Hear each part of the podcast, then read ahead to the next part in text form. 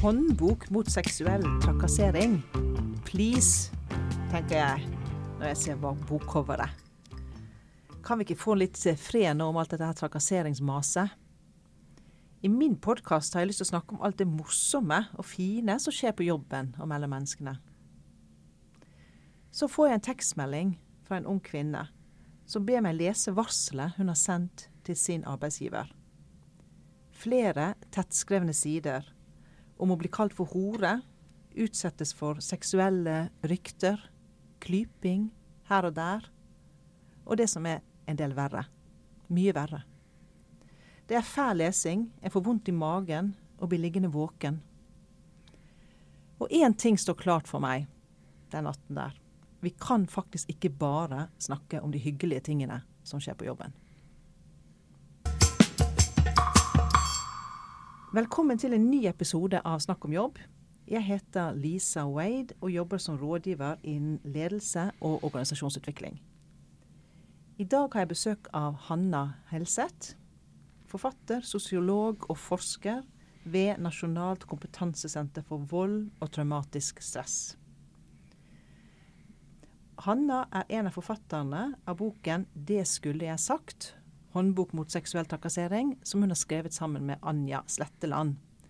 Og Det er altså en bok jeg nå har lest og anbefaler på det sterkeste. Hanna, velkommen. Takk skal du ha. Du, min uh, lille oppvåkning her, før og nå-holdning, er den uh, typisk for hvordan folk ser på Eller uh, folks holdning til seksuell trakassering? Det, jeg, tror, jeg, tror, til en viss grad det. Og så tror jeg det handler ikke for å, ikke for å snakke om alder eh, osv., men jeg tror også det handler om alderen man er. Mm. Eh, at det er ikke tilfeldig at det er en ung kvinne som sender deg en SMS. Eh, og det er ikke tilfeldig at du er litt eldre og tenker at du er litt lei av spørsmålet. Mm. Mm. Eh, jeg tenker at alder har ganske mye å si, og det vet man også at hvis du er yngre, så er du mer utsatt for seksuell trakassering. Eh, og det tror jeg faktisk ikke bare handler om at kanskje de som er yngre, er litt deiligere enn det vi er. Eh, men jeg, tror også det handler om hvilken posisjon du er i arbeidslivet. Så det handler om makt, altså? Ja, og hvor trygg du er. Mm. Eh, altså det som, det som um, at Seksuell trakassering kan vippe deg utrolig mye lettere av pinnen eh, hvis du er usikker på jobben din, eh, hvis du er i en usikker arbeidssituasjon, um, hvis du er midlertidig ansatt. Eh, hvis du altså rett og slett utsatthet da, eh, er med på å øke sjansene dine for å bli seksuelt trakassert også. Mm. Eh, og dessuten så er det kjempemye lettere å respondere og ta det som en spøk. Eller tenke ja, det var jo litt koselig at han syns at, syns at jeg var flott, da. Mm. At det er mye lettere at ofte de som sier, eller typisk de som sier sånn Skulle ønske det var litt mer seksuell trakassering her, jeg. Uh, de som sier det, er litt oppi åra. Mm, de det. Og de er trygge i jobben sin. Mm. De er trygge på posisjonen sin. Mm. Selv om det er liksom det å si 'jeg skulle ønske meg mer seksuell trakassering', er som litt som å si at jeg skulle ønske at noen liksom dyppa meg i tjære og rulla meg rundt i fjær. Eh, det er litt det samme som å si det. At det, dette er det jeg drømmer om. Eh, fordi det er jo svært ubehagelig, eh, akkurat sånn som du forteller. Noen ganger så lurer jeg liksom på altså, hvorfor, hvorfor, har vi skrevet en hel bok om dette? For egentlig så er det sånn Det er bare å skjerpe deg litt, liksom. Skaff deg litt folkeskikk. Altså det er egentlig veldig enkle råd som skal til for at folk skal slutte å klype noen i rumpa eller sette ut seksuelle rykter om noen. Eller, det er ganske basic ting. Ja, det er ganske basic sånn. Ikke, ikke gjør det, ja. Liksom. Ikke slutt. gjør Slutt, slutt nå. Ja, bare slutt med det. Og, så, og det er det uh, man vil. Men så er det jo ikke så enkelt, ikke sant. Og den derre, den, den um, Hva er det som er vanskelig, da? Hva er det som er komplisert med seksuell trakassering? Å skjønne at det er helt håpløst? Det er fordi at det fortsatt er ganske tabubelagt. Uh, og det fortsatt er uh, Man er litt usikker på som, hvem er det som rammes av det? Og, hva, og i, i, hvilken grad de har vært med på å innby til det. Og sånn den som er med på leken må smake steken. Nettopp sånn type, liksom, eh, den type ting. Eh, og det handler også om en ganske stor eller på, I veldig mange arbeidsplasser så handler det om en ganske stor kamp om definisjonsmakt. Mm. Om hvem som skal få lov å definere hva som er spillereglene våre her hvordan vi syns det er gøy, hva vi syns er gøy, hva slags tone vi har, Hvor greit er det å sjekke opp sommervikaren eller ikke? Eh, hvor stas er det når de nye sommervikarene kommer? Eh, Osv. Altså hvem som får lov å sette den artige tonen. Eh, og, hvem som, og, hvem som, får lov å være med på det. Eh, og det er jo også veldig mye som har med seksualitet og flørting og kjønn og den type ting å gjøre, som både er eh, veldig, veldig underholdende og morsomt, da. Eh, og så er det jo ting som Når det bikker over, så blir det jo veldig, veldig ubehagelig. Ikke sant? Og det er jo i lovverket vårt mot seksuell trakassering, så er det jo sånn at man sier eh, at det handler om uønska seksuell oppmerksomhet som enten har som virkning eller som hensikt å virke krenkende eh, eller uh, ubehagelig, eller uh, at man blir redd, truende Altså det er veldig mange følelser som seksuell trakassering skaper. Og det er uavhengig av hensikten og motivet til den som gjør det. Så også i det Så det er opplevelsen av den som blir trakassert? Det er opplevelsen som, ja, som, er, som med på, er, med på, å mm. definere om det er trakassering eller ikke. Og med en gang det er sånn, så er det nok kanskje en del som blir litt, også litt usikre på har jeg gjort dette. Hvor går grensene for hva som er eh, greit eller ikke? Og jeg tror ikke vi har helt Vi er ikke helt ferdig vi har ikke helt ferdigsnakka. Så vi snakker for lite om det, rett og slett? Ja, vi har heller ikke et språk for å prate om det. Eh, fordi, og det er derfor jeg tror at man er så innmari lett for å fleipe det vekk og sånn. Er fordi at man tenker at dette er litt sånn eh, Det er typisk for temaer som vi har litt lyst til å unngå. Eh, samtidig som vi ikke kan si 'dette bryr jeg meg ikke om'. Mm. så vi fleiper det vekk, og så sier man sånn 'de overdriver vel litt', eller 'er det så ille', eller Har du ikke eh, humor? Ja, har du ikke humor? Mm. Og i den 'har du ikke humor', eh, så er det en sånn Ja, men hvis man vil at alle skal ha det hyggelig på en arbeidsplass, så er det, og i hvert fall leders ansvar, eh, at alle får lov å være med på den humoren. Eh, og hvis det liksom systematisk går utover noen, hvis det systematisk går utover f.eks. De som er da i mindretall eller i minoritetsposisjon, så er det ikke noe morsomt å være den i minoritetsposisjon. Ja, for det, Noe som jeg lurer litt på, egentlig, eh, jeg har lest om dette her, og sånt, det er jo hvorfor er det ingen som griper inn? For jeg skjønner mm. jo det at helt unge kvinner mm. som blir eh, utsatt for humor, med mm. humor om, eh, om sex, om deres seksualliv, om mm. mensen deres, om uh, Ja, alt sånt. Og, og, så tenker jeg, er det ingen av disse kollegaene her som syns dette her er upassende, og som griper det inn? Det er igjen det der med at det, at, det, at det, er nok mye lettere å se en annen vei. Og det er tror jeg, at dette handler om eh, kjønn og seksualitet. Eh, og hvis det er sånn at det har etablert seg en kultur på en jobb, på en arbeidsplass, som det kan gjøre på noen arbeidsplasser, eh, om at her har vi en form for sånn litt sånn machokultur, da.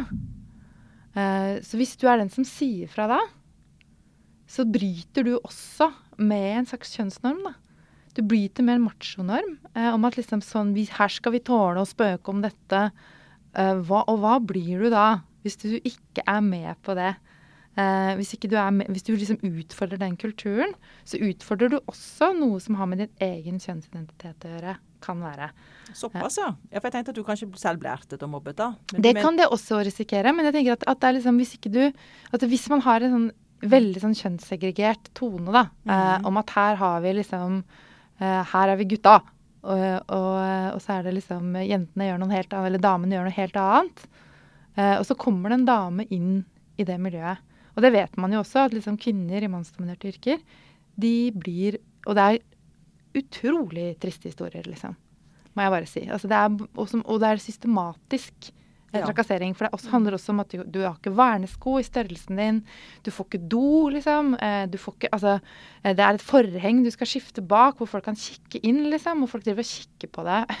altså, det er så jeg tenker at de damene som står i de yrkene, da, um, det, det krever sitt, da. Uh, og det tenker jeg er det er, og det er jo manglende likestilling. Altså det er jo rett og slett liksom eh, Hvorfor har vi et sånn kjønnssegregert arbeidsmarked? Jeg tror også det er mange grunner til det. Men jeg tror også det handler om eh, rett og slett eh, seksuell trakassering. Så du syns ikke vi har kommet så veldig langt egentlig på dette området? At vi har mye igjen? Jeg tenker at Vi har rett og slett mye igjen fordi vi også vil at det skal være så bra. Vi har ikke lyst til å liksom, altså, vi syns det er så ubehagelig og sånn kjedelig å snakke om. Og jeg har tenkt, tenkt, jeg lurt veldig mye på dette, for det er sånn dette er ikke så komplisert. Samtidig som vi vet at får en leder et varsel om en seksuell trakasseringssak, så skal jeg love deg at det er noe av det mest kompliserte den lederen gjør det året. Det er kompliserte ting, ikke sant. For det anklager om det, og det blir anklaga for det. Den personen skal også, og det mener jeg er virkelig viktig også, den personen skal også behandles med, med respekt. Um, og skal ha kontradiksjonsrett osv. Og, og man må gjøre en ordentlig prosess. Men det er en komplisert prosess, fordi det også handler om bevissituasjon. Hvem har gjort hva, osv. Så, videre. Så jeg tenker at um, Som det gjelder i mange sånne saker. Og så er det også sånn, når det kommer til seksuell trakassering, at i liksom 98% av tilfellene av tafsing, klining uh, og det å bli tatt på intime kroppsdeler, 99% kanskje, er det skikkelig koselig. Og så er det den ene prosenten eh, når det skjer, og da er det samme handlingene. ikke sant? Det er det som gjør det så vanskelig. så kontek konteksten her. Konteksten som gjør det. Og så er det noen, og så er det, det er vi opptatt av, da, at vi tenker at det er liksom viktig at man, eh, når man, når man Hvorfor blir noe truende? Hvorfor blir noe ubehagelig? Hvorfor føles noe krenkende? Som er disse, disse følelsene som blir beskrevet i lovverket vårt mot seksuell trakassering. Hvorfor gjør man det? Hvorfor føler man det? Jo, det er kanskje de situasjonene hvor man er litt maktesløs. Det vil si, hvis det er, det er en relasjon hvor det er en person over deg i hierarkiet Det kan også være, det behøver ikke nødvendigvis være noen over deg i det formelle hierarkiet, og dette er lovverket også tydelig på, eller forarbeidene til lovverket. Eh, hvis noen er, liksom, har en sosial status og posisjon, sånn som man kan ha på visse arbeidsplasser, eh, hvor man er den mest eh, liksom, ansatte f.eks., eller den mest populære. Ikke nødvendigvis den, med mest formell makt. Hvis du blir trakassert av den personen, mm. så er det utrolig vanskelig eh, å, å, å, ha muligheten til å si nei, ikke sant. Eh, og det at veldig mange av de situasjonene der, så blir man, så, så blir man også ansett som delvis medskyldig. da. Fordi man er satt i en posisjon hvor man ikke kan for hvis du sier nei, så kan det få represalier for deg. Hvis du blir med på det, så er det også så du velger Så jeg tror mange velger en slags sånn mellomposisjon. Fordi det er det smarteste å gjøre, ikke sant? Ja. Eh, det er, men det gjør jo også at du delvis blir medskyldig i det fæle som skjer med deg. Som igjen produserer masse skam. Eh, og det gjør også at når folk ser utenfra ser på det som skjer, så tror de at du er med på det. så, så anerkjenner de ikke at du mm. blir redd og at du føler deg trua. At det er svært ubehagelig for deg. Og jeg tror ikke det er tilfeldig at mange av de metoo-sakene som har kommet opp, er ting man tenker på i ettertid. Det er ikke noe, Man er ikke, ofte ikke i posisjon engang til å liksom varsle eller til å si det. Først i ettertid så innser man hva man egentlig har opplevd. ja, eller at var jeg med på dette her, liksom? Eh, det her var jo ikke greit, ikke sant? Og det vanligste som, og det er det jeg tenker med at arbeidslivet, at vi har liksom, vi har noen Eh, jeg er litt usikker på om de mekanismene vi har på plass, da, f.eks. varslingsrutiner, jeg er litt usikker på om de er tilstrekkelige. Jeg tror at vi trenger som du sa i sted, vi trenger en større bevissthet i hele arbeidsorganisasjonen eh, om hvordan er det vi oppfører oss overfor hverandre. For alle være med. Eh, og også eh, en, har folk en god rolleforståelse. Eh, skjønner de hva det vil si å være den mest erfarne på et felt? Ja, som, stadig, som, stadig, vekk får liksom uh, nye rekrutter til, som beundrer deg. Som er skikkelig, Det er utrolig deilig å bli beundra, det liker vi alle. Uh, og hvordan er det du håndterer den beundringen? Eh, og så videre. At den type rolleforståelse, og det betyr at det er du som har ansvaret, den personen med mest makt, som har ansvaret i den situasjonen. Men jeg er også litt skuffet over at kolleger ikke, det må jeg si altså, mm. kolleger ikke sier ifra. Mm. Jeg syns rett og slett det er litt, litt, litt pinglete. Eh, og i hvert fall David, ja, David, ja, David Vatne, for eksempel, mm. han sa jo veldig klart ifra eh, da han eh, mm. måtte slutte jobben sin, eller valgte å slutte jobben sin, at eh, han trodde han hadde humor. Han trodde det var tonen.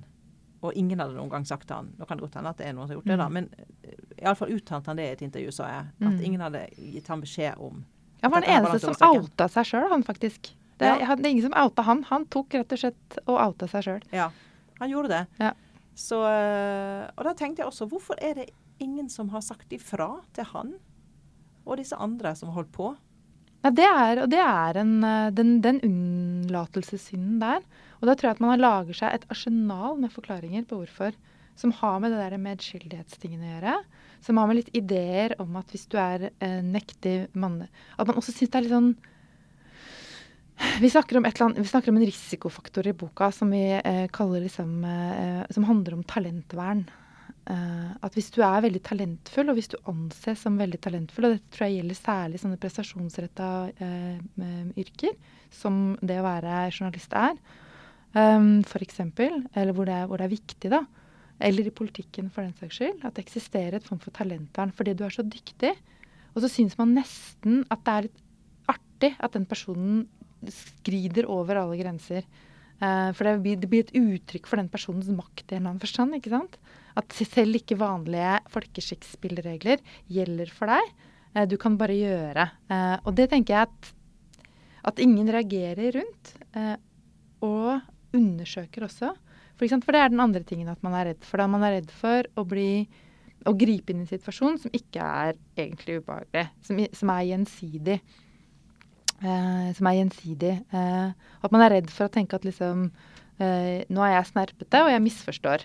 Men da må man jo undersøke det. Da må man jo spørre den personen og gi den, den personen man tenker er dette her OK for deg.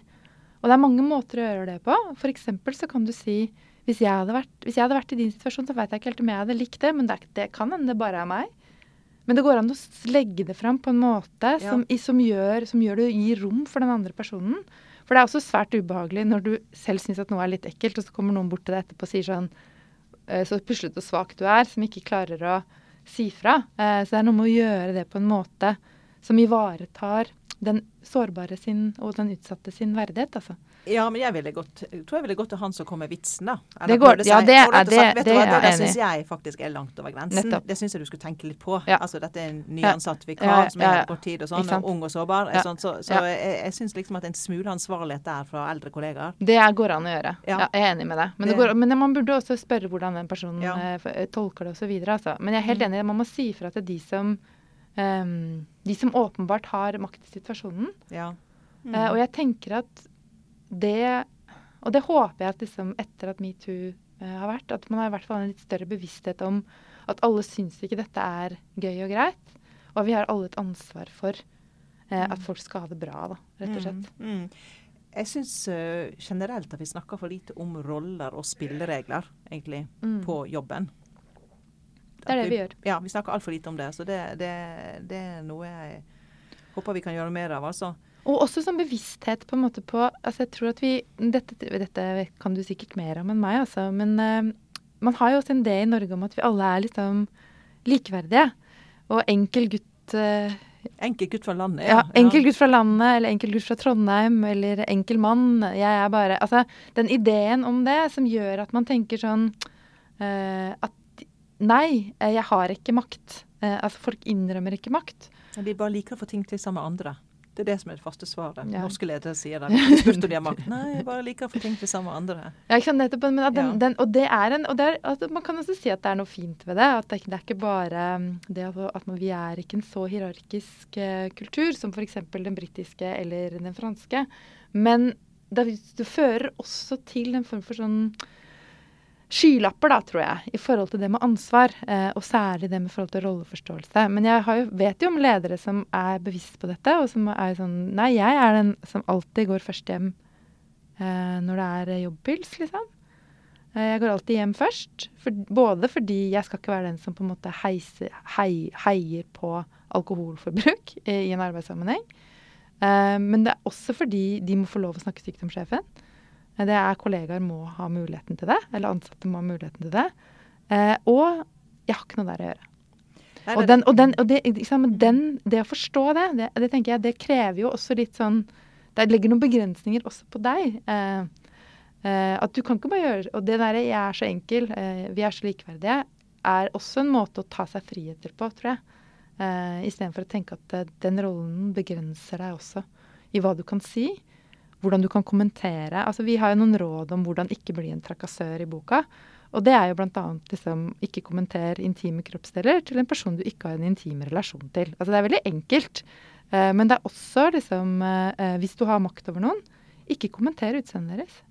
Nei, og det, for det er egentlig det hadde jeg lyst til vi skulle bruke litt tid på. Egentlig Alle de områdene hvor folk kanskje føler de egentlig tror de er greie, da. Mm.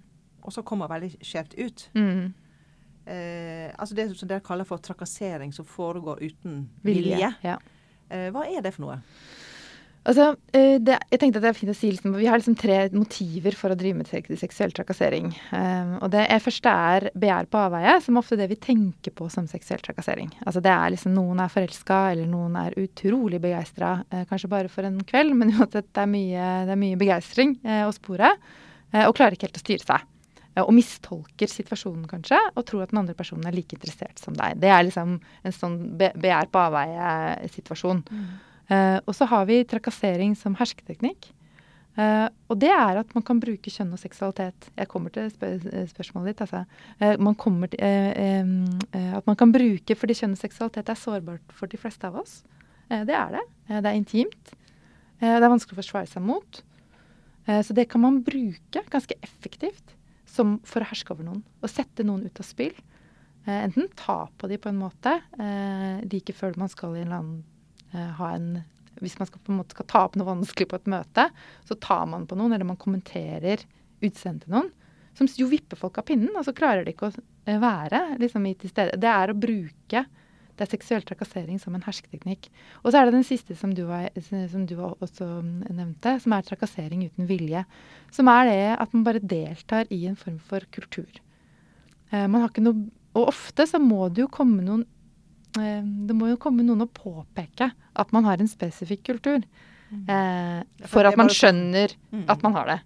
Eh, og de, alle arbeidsplasser tror jeg har sin arbeidskultur eh, og har sine normer og regler og spilleregler for hvordan man gjør ting.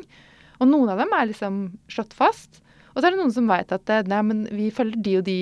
Vi følger regel 1, 3 og 5. Vi følger ikke 2 og 4. Det er det ingen som gjør. Eller, altså, at man vet sånne, sånne typer liksom, at formell, at Selv om det formelle regelverket kanskje kan være på plass, så betyr ikke det at den uformelle kulturen nødvendigvis følger etter. Eh, og da tenker jeg at da, da sier man ting. og det er det kanskje det sånn komme kommentarer. Eh, her er det liksom eh, at man har lov til å snakke om Hvis en dame er sur, så snakker man om at hun har mensen. Eller for så vidt sånne ting som, som gjøres på, dessverre fortsatt på en god del arbeidsplasser. At, at homo er f.eks. et skjellsord. Og da regner man jo med del, i det at man har det som en del av sitt vokabular på en arbeidsplass så regner man jo med at ingen er homo der. Mm. Eh, men hvis du er homo, da, eh, så kan du liksom Ja, da er jeg skjellsord, da. Eh, det er ingen som nødvendigvis Det kan godt hende at folk bruker det ordet uten, uten at man tenker automatisk eh, nå, jeg er utrolig homofob. Jeg har lyst til å støte ut alle homofile fra denne arbeidsplassen. Nei. Eller fra denne yrkestittelen, for den saks skyld. Nei, det er noe man sier, og noe man gjør. Eh, og så er det ofte et problem hvis du er liksom Og hvis du er den homoen, da, i den, i den, i den arbeidskonteksten, eh, så blir det Og dette er, dette er noe av hvorfor det er vanskelig å si fra også. Eh, når hvis du sier fra om det Det du egentlig vil, det de fleste av oss vil når vi begynner en jobb, eller når vi er på jobben vår, er at vi blir sett på som profesjonelle personer som gjør det vi Og vi blir sett på som et individ. Jeg er Hanna som snakker til deg nå. Jeg er ikke liksom jeg er ikke liksom eh, kvinne, først og fremst, eller liksom eh, voldsforsker, først og fremst. Jeg er også Hanna, liksom. Jeg er mange ting, liksom. Jeg er, jeg er på en måte en, eh, et helt menneske, og det er det vi vil ofte bli sett på som. Og hvis du sier fra, da, eh, hvis du er den homoen på den jobben hvor det, hvor det blir liksom, eh, hvor homo er et skjellsord, så hvis du sier fra, så blir du selvlysende. Og da blir det det eneste folk på mange måter husker om deg, er det du egentlig har lyst til å være minst viktig i den situasjonen. Ja? I den sammenhengen. du bryter det ut. Ja, du blir på en måte så selvlysende, og så må du få et umulig valg. Hvis du er den som skiller, skiller deg ut, da. Hvis du er i en minoritetsposisjon. Og det, dette kan også gjelde liksom, heterofile menn, altså. Eh, heterofile menn i liksom, kvinnedominerte yrker blir, ofte, blir utsatt for mye mer trakassering, seksuell trakassering enn andre menn i andre yrker. Så jeg tenker at det å være i den minoritetsposisjonen som ikke, får lov å ha, som ikke har fått lov å være med å definere kulturen, eh, det å være den personen, det setter deg i en utsatt posisjon, og du trenger da eh, Apropos sånn kollegaer og sånn, da, du trenger andre som også tar ryggen din. altså. Sånn at du, du slipper å ta den Nei, rasistvister rasistviser er ikke så gøy Nei. hvis du er liksom svart. Eh, og det må du, du trenger andre vite, som, tar, som skjønner at det, er, eh, det er et privilegium å bare le av dette. Eh, og ikke ta inn over seg det, fordi du blir jo ikke såra av det. Men man må liksom er, er, Man trenger en form for det vi kaller liksom et solidarisk ubehag, vil vi, vil vi dyrke. Ja, det, det, var et fint ord, syns jeg. Solidarisk ubehag. Ja, vi trenger noen som ja, vi trenger solidarisk ubehag. Altså, det der, mm. som, du, sant, som, er det, egentlig det man sier sånn Hvis jeg hadde vært i de skoa, i den situasjonen, så hadde jeg følt ubehag. Eh, og der, derfor sier jeg fra. Mm. Mm. Eh, for en ting som jeg, jeg tenker da som eh, denne eh, e-posten som jeg fikk da, og jeg mm. leste det, Eh, og den unge kvinnen beskrev, hun beskrev en ting som var, var veldig ubehagelig. Også, det var jo hele tiden denne utseendebedømmingen. Mm. Altså, det var mye som var ubehagelig. Mm. Men, men altså, og, og, det er jo det at, man, at det hele tiden blir kommentert hvordan man ser ut. Mm. Ja, ofte så, altså Dette er jo, dette er jo en av, en av liksom seksu, dette, Seksuell trakassering er et komplisert begrep, fordi det mm. dekker over utrolig mye. Uh, det dekker over, nettopp som du sier, utseendekommentarer. Uh, som jo kan man kan tenke er liksom ganske uskyldige. Ja, det er akkurat det. Hvorfor er det så eh, slitsomt? Hvorfor er Det så slitsomt? Det er fordi det skjer hele tiden. Ikke sant? Og det er gjentagelsen som gjør det slitsomt. Eh, så, sånn at det er det, Og det kan sammenlignes på mange måter med, med, med, at du får et gnagsår. Det er en liten rift, liksom. Og hvis det skjer én gang, så er det OK. Men hvis hver gang du kommer på jobben, så er det noen som kommenterer hvordan du ser ut, så skal jeg love deg at det er ikke hyggelig lenger. Og så er det vel litt det du sa, man blir vippet litt av pinnen. For du er ja. en profesjonell person. Nettopp. Du er der for å gjøre en jobb, mm. og så er det hele tiden snakk om hvordan du ser ut. Og der tror jeg også kjønn spiller inn. Eh, fordi at kvinner har måttet fordi, fordi, at arbeidslivet har vært mannsdominert. Eh, historisk sett så er det menn som har vært ute og jobba. Det betyr ikke at ikke kvinner har jobba, men de har bare jobba med andre ting. Eh, som ikke nødvendigvis har fått betalt osv. Og, så og på gardsdrifta var jo stort sett osv. Mm. Men jeg tenker at liksom, man skal passe på at kvinner, veldig mange kvinner har jobba.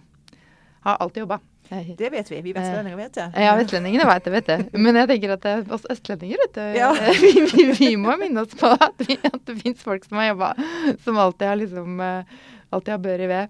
Men, eh, men, eh, men eh, jeg tenker at denne, det at det at det er arbeidslivet som gjør at når noen kommenterer utseendet ditt som dame, og særlig kanskje som ung dame, så setter det profesjonaliteten din på spill. I større grad, tror jeg, enn det, enn det en mann blir.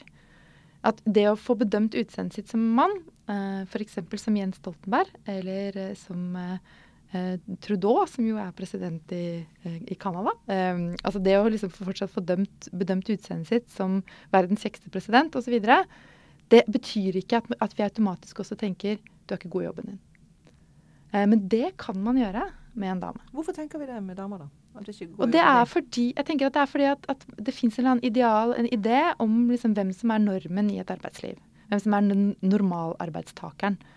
Eh, og det er ikke en bimbo. Det er ikke Dolly Parton.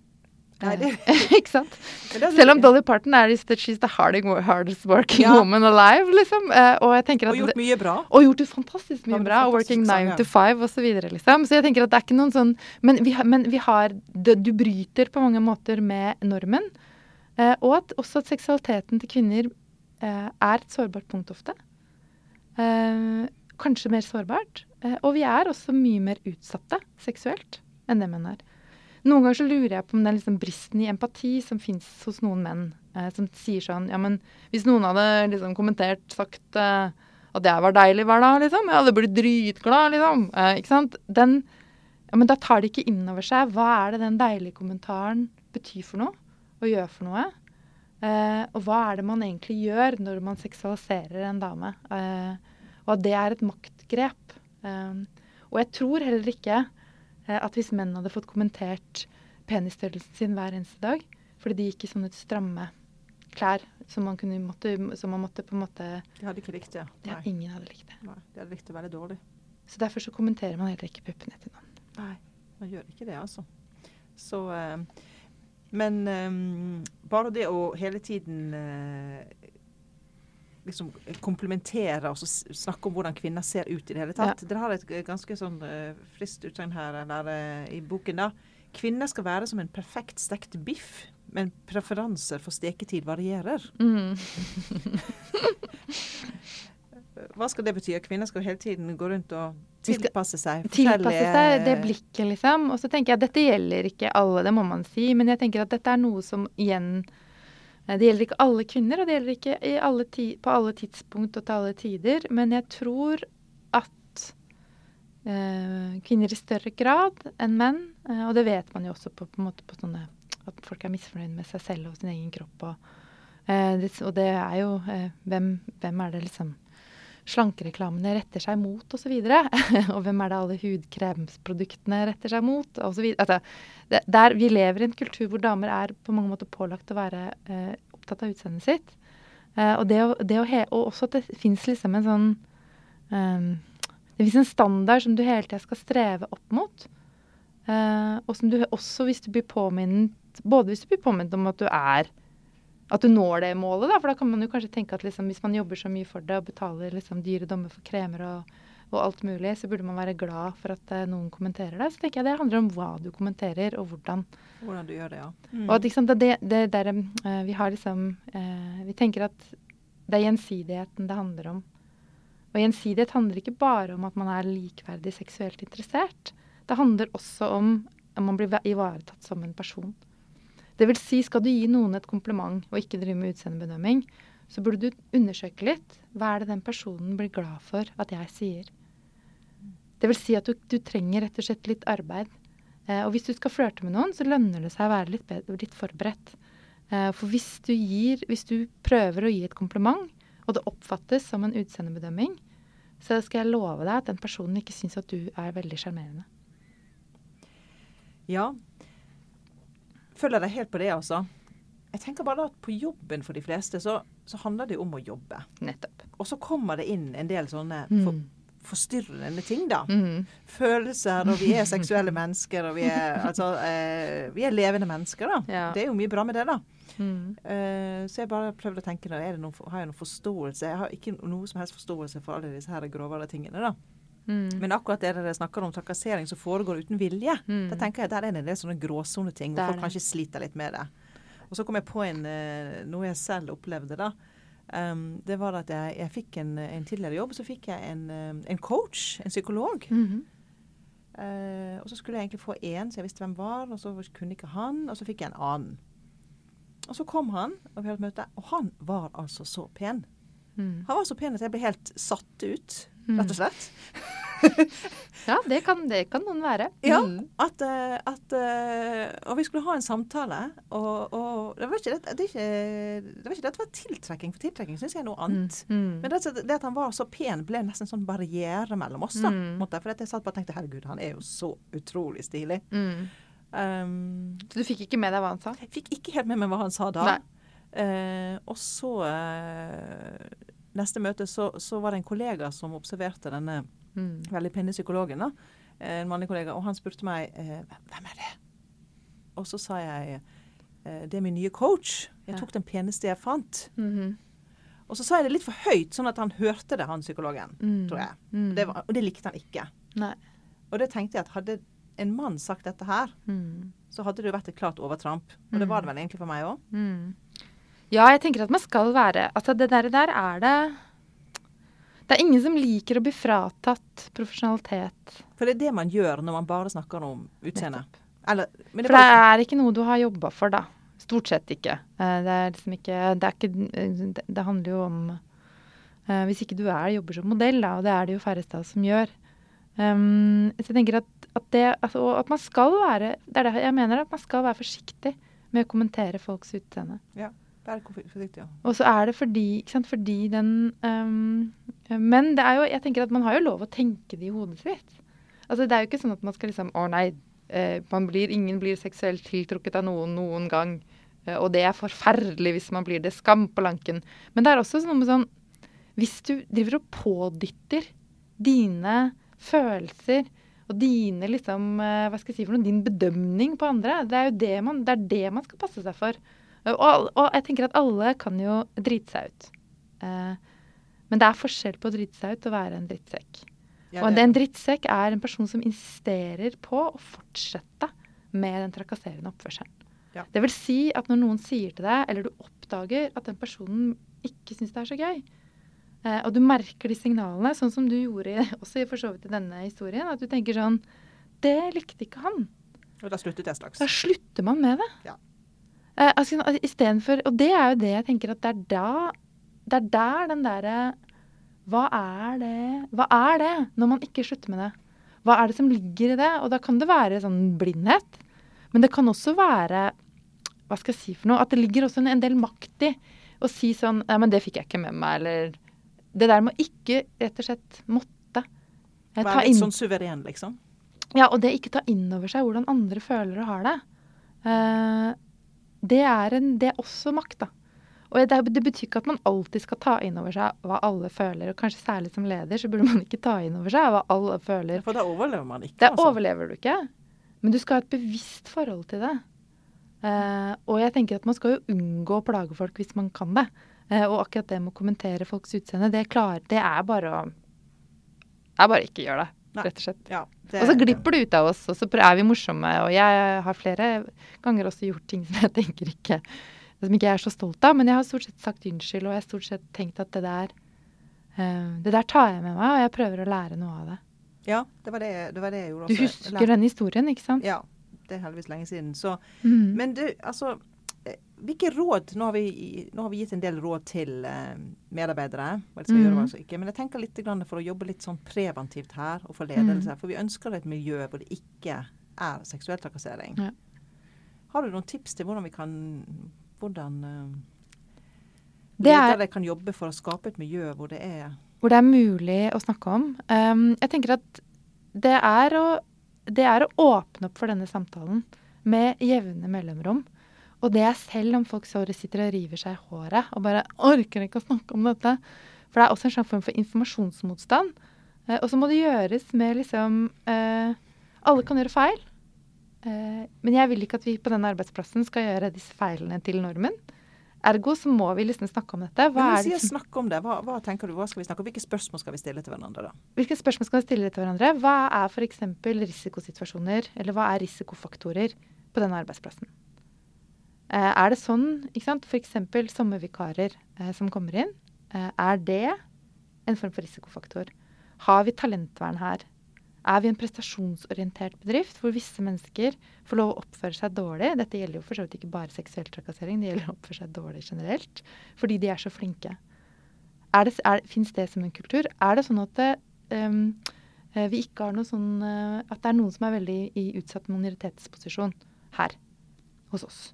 Så vil- se etter minoriteter, se etter maktforhold, se, Se etter etter makt, kultur. se Ja. etter maktforhold, se etter kultur. Er det noe her Er det noe i måten vi organiserer ting på? Er, liksom, må, er intimitet et arbeidsverktøy eller ikke? Eh, er vi mye tettere på hverandre? Er vi Har man på en måte uformelle makthierarkier? Eh, det vil si at det fins liksom eh, At det fins noen personer som man må altså At man skjønner ikke reglene for hvordan man skal kunne liksom avansere i, eh, på arbeidsplassen. Er vi Har vi eh, Skiller vi mellom jobb og fritid? For alle, alle arbeidsplasser hvor det involverer Hvor fritiden er Mye av jobben er fritida. Hvor det glir over i hverandre. For da er det nemlig sånn at da gjelder jo ikke de samme reglene. Man er på jobb, men man er ikke på jobb. Eh, den type liksom, situasjoner. Det er sånne gråsoner. Det er gråsoner som, som har risiko for seksuell Og trakassering. Ofte med alkohol. Ofte med alkohol. Og så er det, har vi hvor, hvor mye fester man, liksom. Uh, hvordan utarter det seg? Uh, altså jeg tenker at alle disse, Det å være på en måte klar over, prøve å liksom kartlegge sin egen arbeidsplass ut fra hva er det som kan skje, så prøve å legge, inn, legge på en måte forebyggende tiltak etter det. Eh, det tenker jeg hadde vært bra hvis man gjorde, og ikke bare sa vi har varslingsrutiner. og, så, og informere om de varslingsrutinene. For jeg, og det er, kommer en eh, det kommer en forskningsrapport. eh, den er ikke, jeg har bare hørt funnene blitt fremlagt. Det er en nordisk forskningsrapport om alle tiltakene ulike arbeidsplasser har gjort etter metoo. Og de to tiltakene som er mest populære, er varslingsrutiner og nulltoleranse. Nulltoleranse, ja. Nulltoleranse mot seksuell trakassering. Her er på liksom den arbeidsplassen! Det er Ja, vedtatt, det er ja. vedtatt at det er borte. Og so what, liksom? Nettopp. Ja. Og, de, og, og det, det, kanskje ikke overraskende, finner i de, den forskningsrapporten at dette på ingen måte hjelper. Eh, og det jeg tenker det å lene seg så hardt på varslingsrutiner som en del arbeidsplasser gjør, eller en del bedrifter eller organisasjoner gjør, eh, da legger de på den svakeste part å legge hodet sitt på blokka for å varsle. Og så tror man at det løser noe. Og jeg tenker at der man må starte sånn som man må starte i, kulturen, og man må starte med at dette er et lederansvar. Eh, og at man har alt å tjene på også som leder. Altså Hvis det er sånn at folk er usikre, altså føler på mye frykt og ubehag, eh, og føler seg ganske trua på jobben, da jobber de ikke særlig bra. Eh, altså det, og man støter ut folk. Folk slutter. Altså Man mister også masse kompetanse ved at man ikke, eh, ikke jobber med målbevisst og målretta i arbeidet mot seksuell trakassering. Mm. Nei, men Det syns jeg hørtes veldig, veldig Og jeg tenker det er spesielt viktig med Og så må du kjøpe boka vår òg, da. Det Jeg må kjøpe boka. Det Ja, men jeg har tenkt å nevne Den er veldig bra. Den bør gå inn egentlig i biblioteket til alle HR-ledere. Og det syns jeg også. Ja. Mm. ja men jeg tenker at, og vi har liksom, jeg tenker at den er um, Den er forskningsbasert, men den er skrevet på en måte som, som skal åpne opp samtalen, altså. Den er velskrevet og godt skrevet. Virkelig. Mm. Den skrevet, eh, så så um, jeg syns også, bare for å avslutte, at vi um, må satse mye på disse introduksjonsprogrammene. Mm. Sånn at eh, de som begynner i jobben, spesielt de helt unge og ferske, de vet at det er faktisk grenser for hva du skal til, Ja. hva som finner i. Ja, og at man gjør noen sånne at vi har, vi, har- Når vi holder kurs, så har vi gjort en sånn øvelse eh, hvor de først får i oppgave å si noe som er innafor. At de, får, de, de skal gi utseendebedømme noen, den andre personen som sier noe som er innafor. Og så får vi de til å si noe som er litt over grensa. Eh, og det å liksom tenke ut hva er det som gjelder for oss. Og, hva, og det, det interessante er jo at de fleste har jo store problemer med å si noe som er over grensa. Så vi vet jo på et eller annet vis også, hvis vi føler litt etter De har instinkt på det. De vet Vi har instinkter eh, på når er, det vi, når er det vi tråkker noe. spørsmålet er jo om vi skal satse på de instinktene. Altså om vi skal lage en arbeidskultur eh, hvor vi er hensynsfulle, um, eller ikke. Eh, og det er ikke det samme som at man ikke skal flørte. Eh, fordi som det er en veldig For det er den andre tingen som dukker opp, det er jo også sånn Å, orker ikke å snakke om det. Og så er det sånn Er det ikke lov å gi hverandre en klem lenger nå? Eller få hva skal skje? No, det var jo folk som var oppriktig bekymra for hva som skulle skje med, den, med reproduksjonen, rett og slett. Kom noen til å ligge med noen etter metoo? Ja, det gjorde de! Jeg tror, tror det gikk greit. Ja, de var svært bekymra for den heteroseksuelle flørtinga. Eh, men jeg tenker at det, det? Og Når du flørter, så kommer du med en invitasjon. Når du traka, trakasserer noen, så pådytter du eh, noen andre din vilje. Eh, og du invaderer dem. Eh, og ingen liker å bli invadert. Alle liker å bli sett. Og hvis du er en god flørter, så ser du og anerkjenner den personen. Og kommer med kommentarer. De kan godt være og langt over grensa. Eh, etter hva man skal si for noe til noen andre. Men du kjenner den personen godt nok til at du skjønner at den blir sjarmert og begeistra. Så det kan gjelde på julebordet. Det, Det tar vi, det tar vi med oss nå på slutten her. Ja, men man må se, man må gjøre et forarbeid. Eh, sånn er det. Ja, man må gjøre et forarbeid. OK, tusen takk til Hanne Helseth, eh, som har altså gjort oss mer bevisste på eh, seksuell trakassering. Eh, som vi må jobbe mye mer med i norsk arbeidsliv. Eh, gjentar bare at boken heter 'Det skulle jeg sagt'. Eh, og jeg er ikke betalt for å si dette, men jeg sier det likevel. Du får den på Manifest forlag. Takk Takk også til deg som hører på. Hvis du liker det du hører, så foreslår jeg at du abonnerer på podkasten min. Og dermed får du automatisk nye episoder av Snakk om jobb inn i postkassen din. Følg meg også på Facebook, Lisa Wade, som skrives Vade med W. Og sjekk gjerne ut min nettside lisawade.no for mer informasjon om bl.a. kilden her.